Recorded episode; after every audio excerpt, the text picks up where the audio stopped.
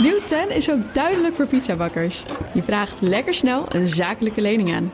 Net zo snel als dat ik mijn pizza's bezorg.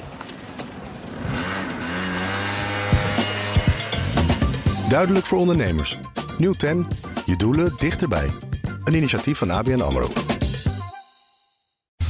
Wetenschap vandaag. Vandaag is uh, Loes van Lange van de Universiteit van Nederland weer bij ons... met het wetenschappelijke antwoord op een vraag waarvan je niet eens wist dat je hem had.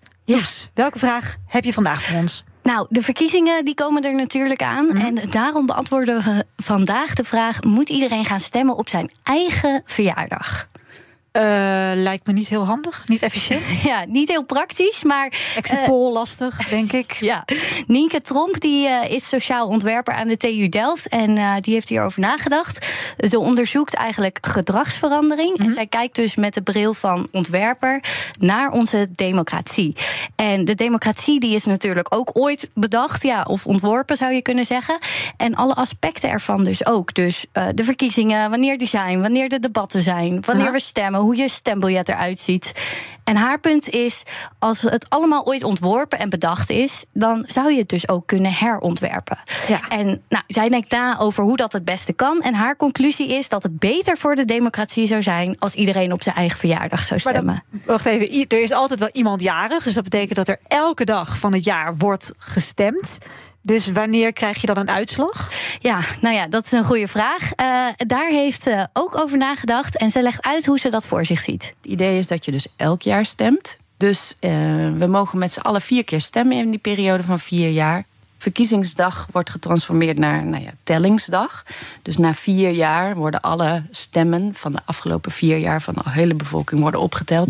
En dat wordt eigenlijk de, het startpunt van de formatie van het nieuwe kabinet.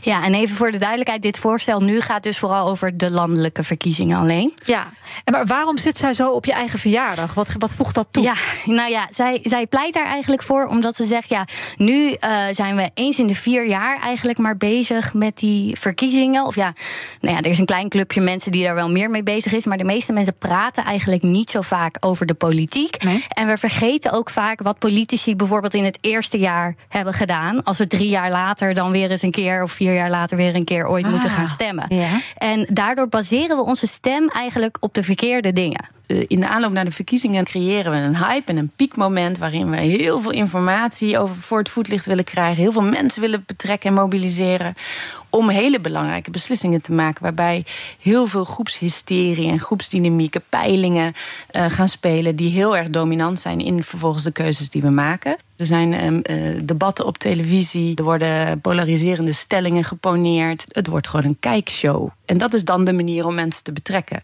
Ja, en volgens haar is dat dus eigenlijk een verkeerde manier om mensen te betrekken. Hmm. Um, en in een campagne worden vaak ook natuurlijk veel beloften gedaan, maar die worden lang niet altijd waargemaakt. En volgens haar is er op dit moment te weinig een regulerend vermogen om eigenlijk te controleren of die stappen, die beloftes ook daadwerkelijk gezet worden en ja, ja. gemaakt worden.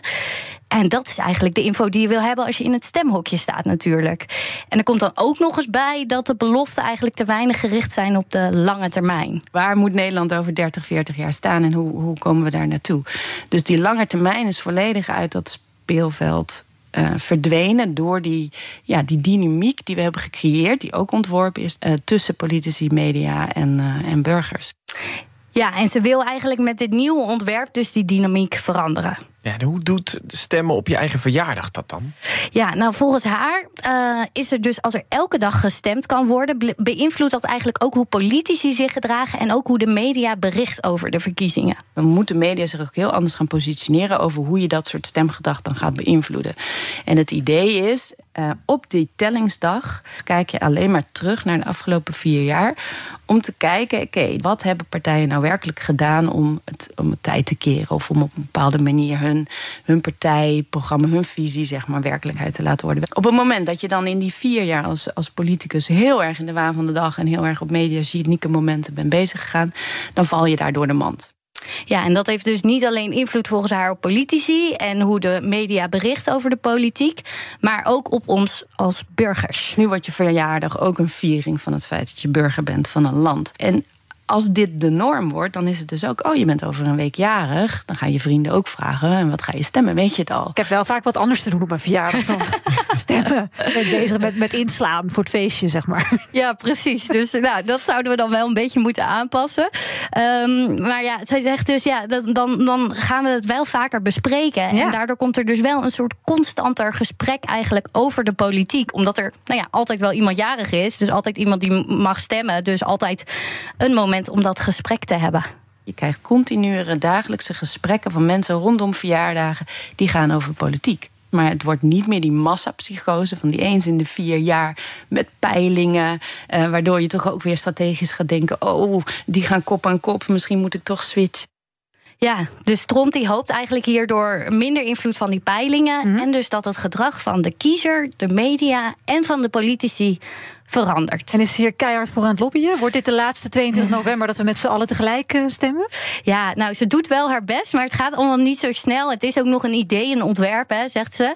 En het is best een grote verandering om door te voeren natuurlijk. Maar ze wil wel onderdelen van dit plan testen om te kijken hoe het werkt. En eigenlijk dus ook vooral de discussie aanslingeren over hoe de verkiezingen nu zijn. Dus ja, wat denken jullie? Denk je van, nou, mooi cadeau stemmen op je verjaardag? Of, eh, Ik vraag niet? me nou wel of, of die Tweede Kamerleden nog wel eh, met, met hun werk bezig zijn. Want anders zijn ze non-stop aan het campaignen... zodat je maar op ze blijft stemmen. Nee, ik denk dat dat misschien het effect is van het eerste jaar. Maar daarna wordt het normaal dat er iedere dag een groepje Nederlanders is die een soort tussentijdse peiling, eh, hè, een tussentijdse stem Mhm. uitbrengt. Ik, ik dacht eerst aan het begin van dit eh, item, dacht ik van ja, waarom zou je dat doen? En ik ben nu oprecht gefascineerd. Ik vind het eigenlijk een heel erg goed idee. Nou, mooi. Geef het door. Dankjewel, Dank je. Loes van Lange van de Universiteit van Nederland. Nieuw 10 is ook duidelijk voor pizzabakkers. Je vraagt lekker snel een zakelijke lening aan. Net zo snel als dat ik mijn pizza's bezorg. Duidelijk voor ondernemers. Nieuw 10, je doelen dichterbij. Een initiatief van ABN AMRO.